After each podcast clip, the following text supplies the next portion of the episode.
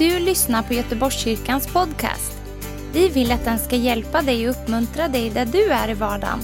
Vill du veta mer om oss så gå in på www.goteborgskyrkan.se.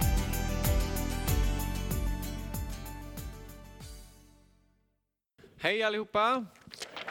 Glad andra advent kan man säga va? Härligt att vara i adventstid tycker jag. Det är ju en förväntans tid, eller hur? Är ni inte lite grann som barnen, ni vuxna också? Jag är i alla fall det. Man går lite så här med förväntan, det är ju snart jul. Men inte riktigt än. Eh, jag tror att vi ska, jag ska säga så här att ni barn sitter med förväntan på att gå till Kids. Så eh, spring iväg med era kidsledare och så ses vi lite senare.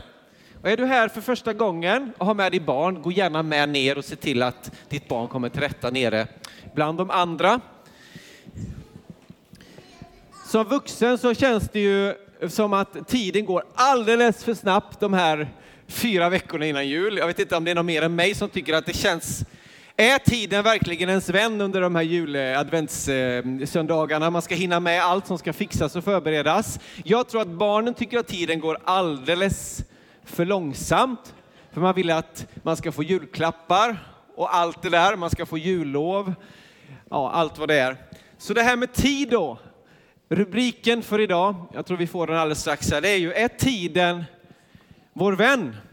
Eller är tiden vår fiende? Vad säger Guds ord? Och hur ska vi som kristna förhålla oss till tiden? Ja, som ni förstår så kommer jag inte hinna och djupdyka och få med alla dessa aspekter. Men jag hoppas att vi kan få med kanske några saker på vägen till hjälp för att kunna eh, leva med tiden som vår vän. Vi ska, jag ska läsa ur The Message eh, från första Thessalonikerbrevet 5 och 1. Eh, det är ju en parafras. Vi har den inte i våran, så du kommer inte få den på skärmen tyvärr. Men lyssna, för jag tycker att första Thessalonikerbrevet 5 och 1 och de verserna framåt talar om tiden på ett fantastiskt sätt till oss som Guds folk. Jag antar att jag inte behöver ta upp frågan om när detta ska ske, mina vänner, alltså att Jesus ska komma tillbaka. Ni vet lika väl som jag att den dagen för Mästarens återkomst inte står i almanackan. Det är inte så att han skickar ett brev och förvarnar om sin ankomst. Lika lite som en inbrottstjuv skulle göra det. När alla nöjt pustar ut och dunkar varandra ryggen, ja det var det det, vi klarade det. Nu kan vi ta det lite lugnare, då brakar allting loss. Det händer lika plötsligt och oundvikligt som när verkarna sätter in för en kvinna som ska föda. Men ni, mina vänner, ni trevar ju inte i mörkret, så hur skulle det kunna ske i ett obevakat ögonblick för er del? Ni är ju ljusets söner och dagens döttrar. Vi lever under vidöppna skyar och vet var vi, ska, var vi står. Låt oss alltså inte gå genom livet som sömngångare, som de andra. Håll ögonen öppna och var på alerten. Om natten sovs det och om natten sups det, men inte hos oss, för vi är dagmänniskor. Och det ska vi också visa. Gå ut i dagsljuset, nyktra, iklädda i tro och kärlek och hopp om räddning. Det är inte för att förkasta oss i vrede som Gud har gjort sig besvär med oss, utan för att rädda oss genom vår mästare Jesus Kristus. Han dog för vår skull och hans död leder till liv. Vare sig vi vakar med de levande eller sover med de döda lever vi med honom. Håll modet uppe på varandra. Bygg upp hoppet så att ni alla är med i det tillsammans och ingen blir utanför och ingen blir efter. Jag vet ju att ni redan gör detta, men fortsätt så. Alltså vilken fantastisk positiv syn på tiden och syn på vår framtid, eller hur, som målas upp i första Thessalonikerbrevet. Men den uppmanar oss också att inte gå runt som sömngångare, utan hålla ögonen öppna. Och vi är dagens och ljusets människor. Så det betyder att det här med tiden, det är någonting som vi inte bara ska slarva bort, utan vi ska vara rädda om tiden. Vi ska vara medvetna om tiden. Vi ska inte gå runt och frukta och vara rädda, utan se fram emot att vi vet att eh, fram emot Jesu andra tillkommelse. Det är inget som vi ska gå rädda för, utan se ett hopp i. Och vi ska veta att Herren är med oss. Men vi ska också vara nyktra, klädda i tron och fyllda av Guds kärlek i hopp om räddning. Och i första versen här då, där, då står det faktiskt så här om man läser en annan, inte den här parafrasen utan man läser eh, eh i grundtexten, så är det faktiskt två ord om tid som sägs i den första versen. När det gäller tider och stunder bröder behöver vi inte skriva till er. Vad är det här för ord då? Jo, det är det grekiska ordet när det gäller tider, kronos. Det handlar om klockans tid. När det handlar om klockans tid, dagar som går och blir till månader och år, en tid som fylls på, till exempel när vi fyller 18, blir myndiga, får körkort. Det är någon, en tid som uppfylls. Det är kronos. Men också ett annat ord, och stunder. Vad är det för ord? Ett grekiskt ord som är kairos. En del kanske har hört talas om kronos och kairos. Alltså grekiskan, och när vi läser Nya Testamentet, använder inte bara tid som ett enda begrepp som vi gör, utan det talar om tid som den tiden som flyter på, men också Guds kairos-tid. Och vad är det för något? Jo, det är Guds säsong. Eller tajmingen ifrån Gud in i en situation. Och det är, lever liksom sitt liv utanför kronologin, alltså hur tiden går så här, klockans tid.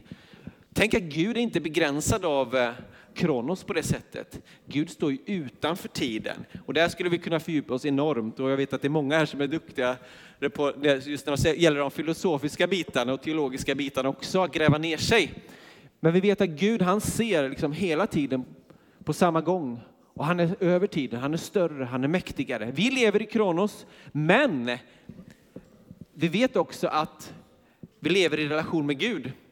Och då har vi också den här aspekten av att Gud kan plötsligt träda in i en situation, in i en, in i en tidssituation. Han kan göra ett mirakel. Han kan träda in och göra saker som är helt oberoende av den kronologiska tiden. Och det är fantastiskt att veta. Och det är en eh, uppmuntran och en styrka. Okej, vad ska vi vara då? Jo, vi ska vara medvetna om tiden. Jag ska försöka skicka med er ett gäng punkter, vi får se om vi hinner med alla. Men eh, det första vi ska göra är att vi är, ska vara medvetna och ta, ta vara på tiden. Det är så här att vi driftar ju sällan bort i stora dramatiska steg i livet, utan det sker ju ofta stegvis, eller hur? Och likadant åt andra hållet. När jag går på gymmet som jag faktiskt har gjort nu den här hösten, det är fantastiskt att äntligen kommit igång och träna. Då ser jag ingen dramatisk förändring efter ett gymbesök. Jag tror ingen har varit med om det när du är ute på din löprunda eller hur du nu tränar. Men om jag ser tillbaka ett år, då kan jag se en förändring i mitt liv. Jag kanske blivit piggare, fått lite mer kraft, kanske lite mer muskler, mår bättre och det ger ett resultat på lång sikt. Och likadant så är det ju om vi väljer varje dag att göra dåliga beslut eller att försumma det som är viktigt, då kommer vi till slut se ett resultat i våra liv. Att vara medvetna om tiden, det är att faktiskt ta tillvara på varje dag. Och se varje dag som en, en gåva ifrån Gud. Och att tiden är en vän för oss, någonting som vi ska använda och investera i. Hela skapelsen är ju sån här, det är bara att gå ut och skära av ett träd så ser man årsringarna. Hur ring för ring för ring bygger upp ett träd. Och liksom det är nedlagt i skapelsen. Det är som att Gud har lagt ner det här att över tid så sker det saker. Under tid så växer saker och ting fram och jag tror att det är så också för oss. Predikaren säger så här. Den som spejar efter vind får aldrig så. Alltså förr i tiden när man sådde så ville man att vinden skulle ta ut liksom fröna och sprida det.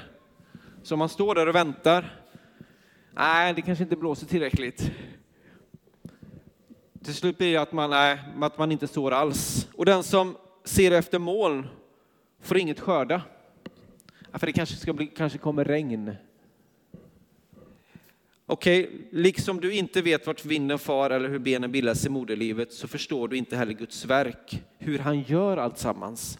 Så din säd om morgonen och låt inte din hand vila om kvällen. För du vet inte vad som lyckas bäst, det ena eller det andra, eller om båda är lika bra. Man kan säga så här, vi kommer aldrig få perfekta förutsättningar i livet.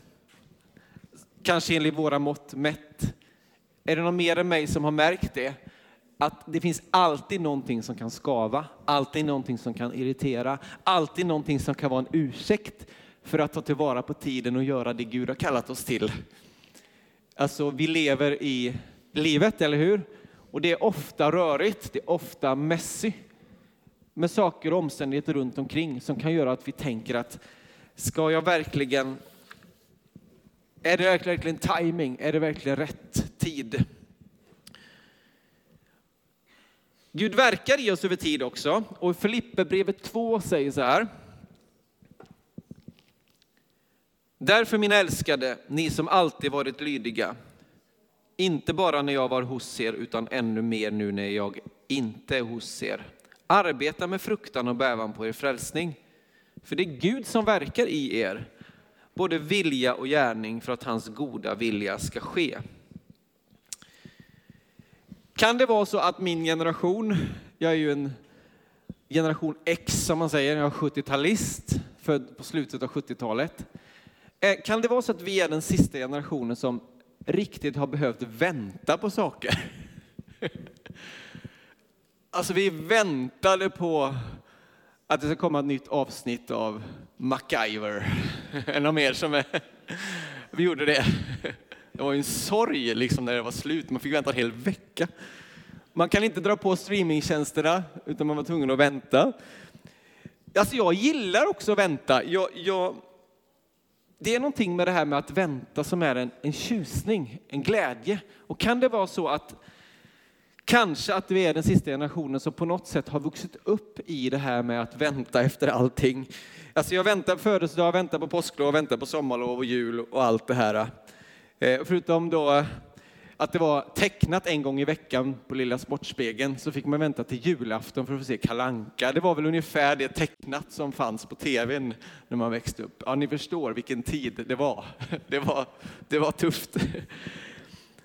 Men idag sker allting så här, eller hur? Allt är on demand, allting går snabbt. Vi kan liksom välja när saker ska komma till oss och hur det ska komma till oss. Och det är ju inte, Guds rike är ju inte så. Jag har ju förstått så här, alltså när jag var 20-åring, eller tonåring, då tänkte jag ju att saker skulle gå mycket snabbare. Ett, två, tre nu ska det ske. Och så har jag förstått nu när jag kan se tillbaka och är lite äldre, att Gud verkar ju över tid. Han verkar igenom oss och i oss. Inte alltid lika snabbt. De här resultaten som man vill se tar ju oftast mycket längre tid än om man bara tänker ut rent, ja men då skulle väl Gud kunna göra så här och så här och så här. Men problemet är väl kanske vi själva många gånger att vad behöver Gud göra? Jo, han behöver ju jobba med oss så att vi går i linje med hans vilja. Det där tar ju lite tid. Och jag tror att det är där tidsfaktorn kommer in. Tiden är vår vän. Och hur kan tiden vara vår vän? Jo, om Gud är vår vän, då är tiden vår vän. För då arbetar Gud med oss så att vi blir lika honom. Då kommer vi in i hans vilja, kommer i, i rätt, rätt riktning. Så Gud verkar i både vilja och gärning. Och jag tror att det här att längta, det är något som är väldigt bra. För det får oss att visualisera en framtid. Det får oss att se fram emot någonting. Och jag tror att Gud lägger ner sin vilja i vår vilja.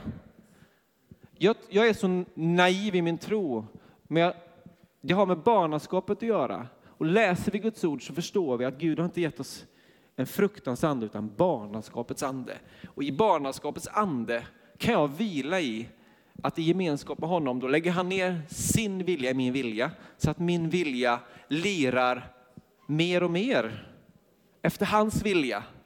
Där vi får pröva det utifrån Guds ord.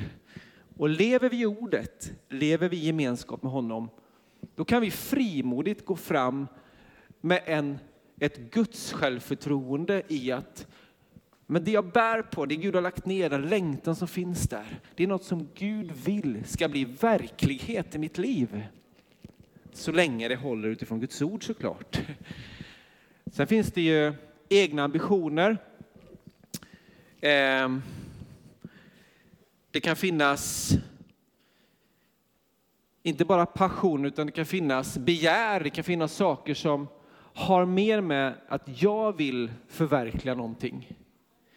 Och det är ju vårt kött, det är den gamla naturen som vill sätta sig i centrum. Och det är ju det här som är det dagliga, att också lägga ner vår vilja inför Guds vilja. Men jag tror också, lever vi med anden, då vet vi vad som är Guds vilja, vad som är vår egen ambition, liksom vårt kött som vill sätta oss själva i centrum. Men här är tiden vår vän har jag upplevt, jag tror det är många som har upplevt det och vet att låter vi Gud verka i våra liv så kan vi se tillbaka. Kan, kan vi också se hur Guds vilja sker och den, vill, den längtan han lagt ner i våra liv, att det också förverkligas. Jag ska berätta lite mer personligt på slutet här så det får bli en liten cliffhanger. Jag verkligen kan se hur Gud har gjort precis det här. Sen finns det också en rätt tid för allt. Och här är faktiskt Kairos-tiden i Galaterbrevet 6 och 9. Alltså Gudstiden, tajmingen.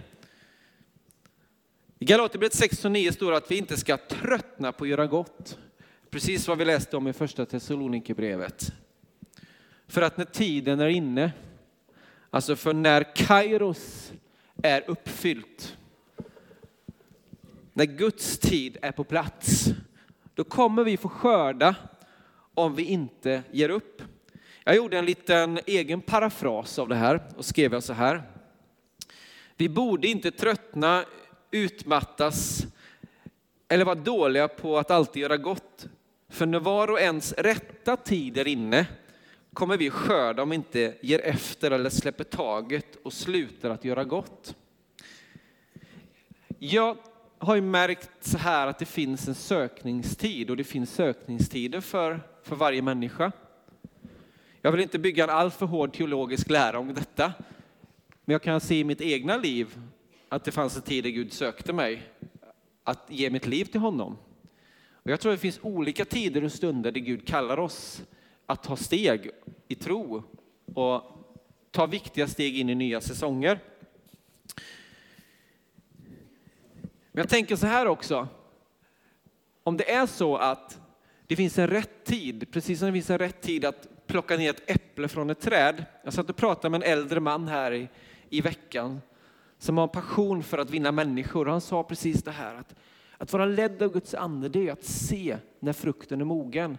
Då räcker det bara att peta lite grann så trillar det där äpplet ner.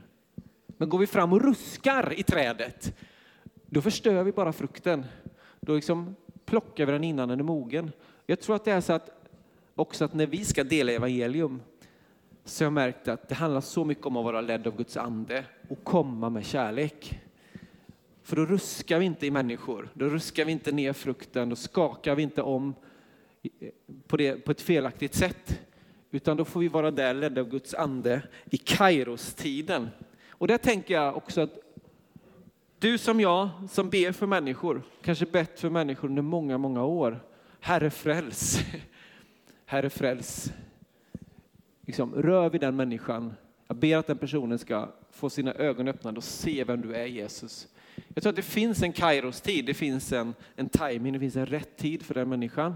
Men vi har ju också ett val, vi kan också välja bort både att faktiskt vi får vara budbärare men sen finns det också en fri vilja hos var och en att man kan faktiskt säga nej, även om Gud söker den.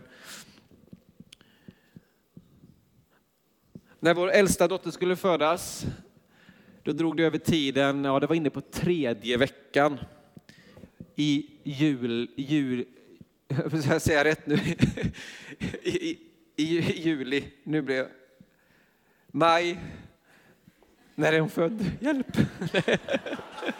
Jag blandar alltihop.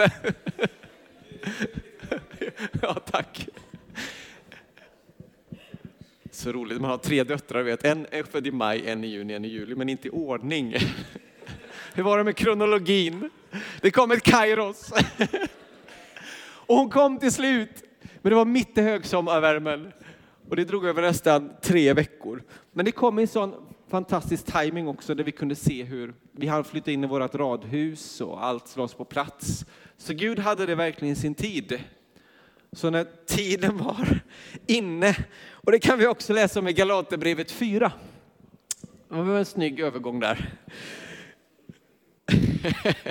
Galaterbrevet 4.4. När tiden var inne, och här är det faktiskt i grekiskan kronos, alltså när tiden var liksom framme vid rätt tillfälle. Då sände Gud sin son, född av kvinna och ställd under lagen, för att friköpa dem som stod under lagen så att vi skulle få söners rätt. Och här är lite intressant. Jag pratade med Christian här för några dagar sedan om just, han nämnde om det här att det var en sån perfekt timing när Jesus kom till jorden och föddes som människa och sann Gud. Och jag kikade lite grann på det här och hittade väldigt intressant eh, fakta kring det. Och vi förstår att det verkligen var en timing ifrån Gud. Att tiden behövdes vara inne, att Gud hade en, en kronologisk också tidpunkt där allt skulle ske. För förutsättningarna var perfekta. Delvis var förutsättningarna perfekta för att sprida evangeliet och att budskapet skulle gå ut, för det var fred i romarriket. Det gick väldigt snabbt att färdas utöver de områdena, för romarna hade byggt 8000 mil stenlagd väg och 32 000 mil övriga vägar. Det fanns en infrastruktur för evangeliet. Man hade fått igång ett postväsende, alltså hur brev och så kunde cirkulera. Och det var ju till otrolig nytta när det Nya Testamentets församlingar växte fram. Och det fanns också ett internationellt språk, den typ av grekiska som användes, användes då. Och sen är det också intressant att se att den romerska kejsaren Augustus, han var ju liksom då kanske världens mäktigaste person och han befallde om den här skattskrivningen som i sin tur blev en uppfyllelse faktiskt av Mikas profetia. Att de skulle bege sig till Nasaret, ner till Betlehem.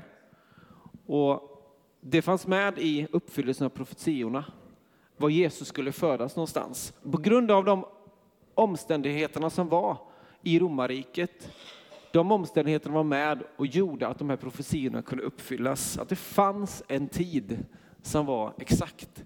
Gud är herre över tiden. Han är också herre över vår tid. Och jag tänker så här, vi lever definitivt mer i den yttersta tiden idag än för tusen år sedan. Vi vet att Jesu andra tillkommelse närmar sig med stormsteg. Och jag tror också att Gud har ett högre perspektiv. Även om vi ser mycket negativt med teknologi, utveckling som sker, men också mycket positivt är det bra med utvecklingen eller inte? Ja, man kan ju fråga sig ibland. Men det vi vet är att det har aldrig gått att sprida evangeliet så effektivt som idag med alla de hjälpmedel som finns. Och vi vet att det kommer också vara som en stor väckelse. Det kommer vara, vi vet att Gud har en plan för att den här världen ska få bli frälst. Och det är klart att teknologi, tv, ni som är med online här, alla möjliga sätt som finns att sprida evangeliet, det har det aldrig någonsin funnits. Så jag tror att när tiden var inne, och det finns ju sådana steg som vi kommer få se, och vi lever ju i en jättespännande tid, där Gud vill att vi också ska se att tiden är vår vän i Jesu andra tillkommelse och vad han vill göra. Tänk att det rent tekniskt sett finns möjligheter faktiskt för hela världen på samma gång att se när Jesus sätter sina fötter på Oljeberget. Det fanns det faktiskt inte för, inte ens för 50 år sedan. Med den teknologi som är idag. Att hela världen ska kunna se honom. Ja, det är mäktigt. Det är också en uppmuntran, det ger oss hopp om att Gud har inte tappat kontrollen. Gud är liksom inte orolig över tiden på det sättet. Men det är också viktigt att vi förvaltar vår tid, att vi tar tillvara på den, att vi lever nära Gud och förstår att det är viktigt hur vi använder den.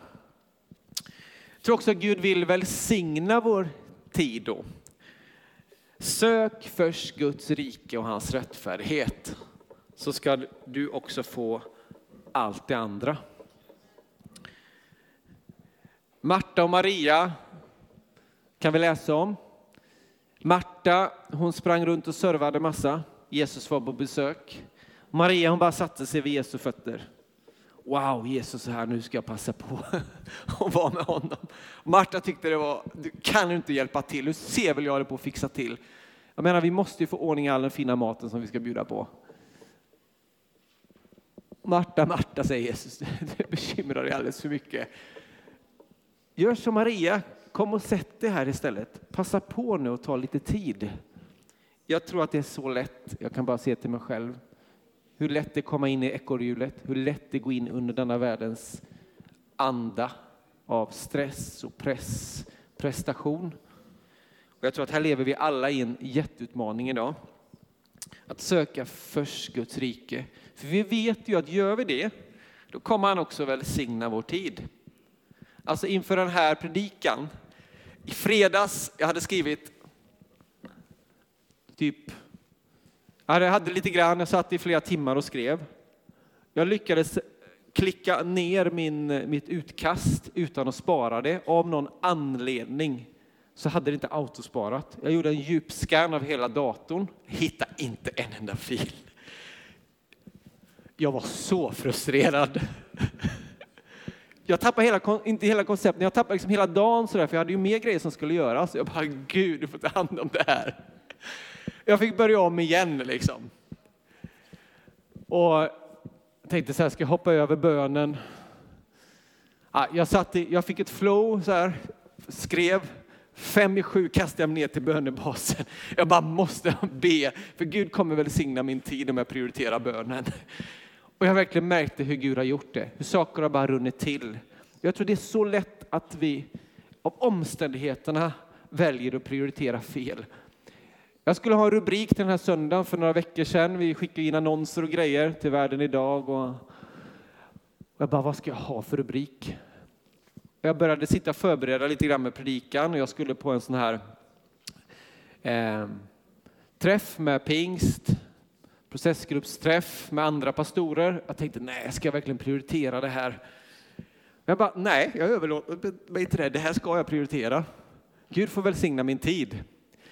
Och det är så häftigt att se hur Gud verkar, för jag visste någonstans, men jag, jag tror att gör jag det som är rätt så kommer Gud ge mig det jag behöver. Så när jag sitter på den här träffen och vi samtalar i flera timmar så hör jag mig själv säga rubriken på predikan. Vi talar om ledarskap och massa sådana saker. Så jag, jag upplevt att tiden är vår vän. och när jag säger det så känner jag, det här är ju predikan jag ska ha. och det bara rann till. Jag tror att när vi söker Guds rike först, när vi prioriterar det som har med Guds rike, då kommer han också välsigna vår tid. Hela femte Mosebok 28, vi ska inte läsa det nu, men gör det nu kommer hem. Det handlar om lydnadens välsignelser.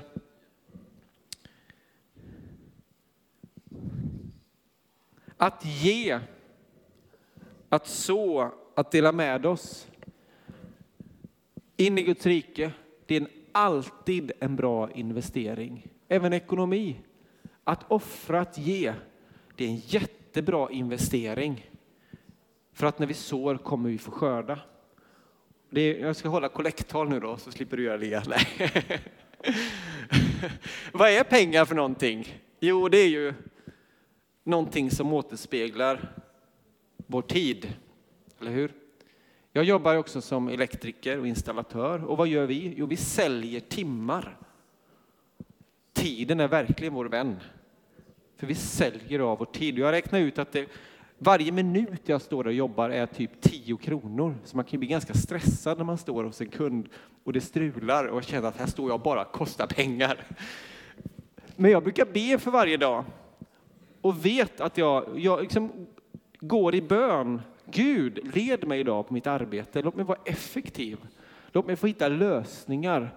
För jag vill ju också betjäna de kunderna jag är hos och göra ett bra jobb. Men det vet också att tiden är ju en välsignelse. Att det jag gör, det inbringar också pengar och ekonomi till min försörjning. Så när jag ger till församlingen, som egentligen är förlängning till Gud, mitt tionde eller offergåvor eller till ge till mission, då tar jag ju liksom av det jag, resultatet av den tiden jag har gett mitt arbete. Och när jag gör det då släpper jag kontrollen över mitt egna liv. Jag släpper kontrollen över min ekonomi och säger Herre, du är förvaltare av, av detta hög, ytterst. Jag är förvaltare men du är herre över det. Och jag vet att när jag ger mer än vad jag kanske klarar, det jag plockar bort en del av min ekonomi som jag hade behövt för att spara för att kunna investera i någonting. Då sparar jag istället hos Herren. Och då vet jag, då kommer han ge det där övernaturligt. Med, med sin kairos så kommer han in, in i vår kronologiska tid med ett mirakel. När tiden är inne, då förlöser han också välsignelser över mitt liv. Och jag kan verkligen se att det fungerar. Och jag tror att det är många som har upplevt att det precis är så. I Uppenbarelseboken 12 står att vi ska jubla. Jubla därför ni himlar och ni som bor i dem. Men ve dig, du jord och du hav, för djävulen har kommit ner till er i stor vrede, eftersom han vet att hans tid är kort. Är vår tid kort?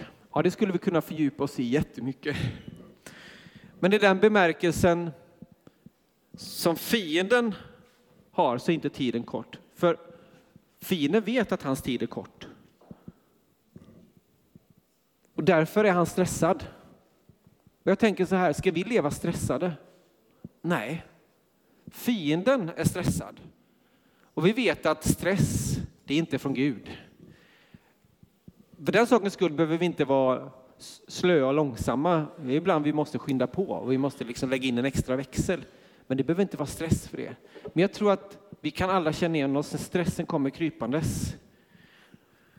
Då sätter vi oss själva i centrum och tänker hur ska jag hinna, hur ska vi, hur ska jag? Och man stressar upp sig och man tappar friden. Jag tycker det är så tydligt här att fienden, djävulen, han vet att hans tid är kort. Och här finns det liksom en rot till stressen. Jag tror att stress det får oss ur balans och stress det får oss att frestas att liksom ta de här genvägarna. Att lösa saker på egen hand, att springa före Gud. Och jag tror att nyckeln är ju att vi faktiskt stannar upp och hitta friden. Och jag vet det är inte lätt alla gånger, men jag tror det är så viktigt. För annars blir ju tiden vår fiende. Tiden krymper, vi ska hinna mer än vad vi egentligen eh, har tid för. Och jag tänker också på Israels folk när de var som slavar i Egypten. Det lades mer arbetsbörda på kortare tid. Och jag tycker mig se en likhet i den tid vi lever i idag. Vi ska prestera mer på kortare tid. Och jag tror att det är, det är, det är världens ande som vill kväva oss. Jag tror vi alla lever där på olika sätt, kanske framförallt på arbetsplatser. Och det är en jätteutmaning och jättekamp, precis som det var för Israels folk som levde under detta slaveriets ok. Liksom. Men att vi då får uppmuntra varandra, styrka varandra, kämpa för varandra, också ta strid. Ibland är det så att vi, vi behöver gå ut och också politiskt och alla de här bitarna utifrån Guds andes ledning, att förändra vårt samhälle, påverka hur, hur saker och ting är uppbyggda såklart. Oerhört viktigt. Men jag tänker att det också sätter fingret på att vi faktiskt står under en press. Vi står under ett yttre tryck och därför vi som Guds församling vara en motpol. Och där behöver vi pröva våra hjärtan och vi behöver hitta en väg att gå tillsammans och vara ledda av Guds ande tror jag. Så vi kan bara veta att stress är inte från Herren. Inte den här negativa stressen i alla fall, inte från Herren. Men Gud vill välsigna vår tid. Gud vill välsigna de 24 timmar vi har, som vi alla har. Och vi får ge dem till Herren. Nu ska jag bara avsluta med lite personligt vittnesbörd. Ungefär för ungefär 20 år sedan, drygt 20 år sedan, så satt en, en, en vän och jag, en barndomskamrat, Magnus. Vi hängt ihop ända sedan förskoleklass och träffas fortfarande när vi hinner. Vi satt och visionerade om vår framtid ute i deras sommarstuga. Jag kommer ihåg det var en kväll, sommarkväll. Pratade om familj som vi inte hade, framtid, jobb, sådana här bitar. Och jag kan se tillbaka nu, de här 20 åren, och så kan jag se att det som vi pratade om, som jag då tyckte såg så omöjligt ut. Och hur ska det kunna ske? Jag drömde om att jobba både i församling, men också på något sätt som hantverkare. Bara fanns inom mig. Jag hade ingen utbildning för det, jag hade inte jag hade gått teknisk. Liksom. Jag, hade ingen, jag visste inte hur det skulle ske. Men jag kan se tillbaka nu att Gud har med tiden som vän lagt saker på plats, öppnat dörrar, gjort saker möjliga och faktiskt kunna se att jag lever i det idag. Och då var det bara en vision. Det var någonting som kändes nästan liksom väldigt, väldigt långt borta. Men jag är så tacksam till Gud att han har varit trofast. Att tiden har varit min vän. Det som jag trodde kanske skulle gå lite snabbare tog lite längre tid men blev så mycket bättre. Och på köpet så har jag märkt hur Gud har också format och bearbetat mig som person så att också jag hänger med på tåget i det Gud gör. Så jag vill bara säga till dig idag, skulle jag vilja bara ge den här uppmuntran till dig. Våga hålla dina drömmar, din dröm vid liv. Håll fast vid det som Gud har lagt ner, den längtan du har eller den längtan som kanske nästan har försvunnit. Våga hålla fast vid den, våga ta upp det igen. Och lev i vänskap med Gud.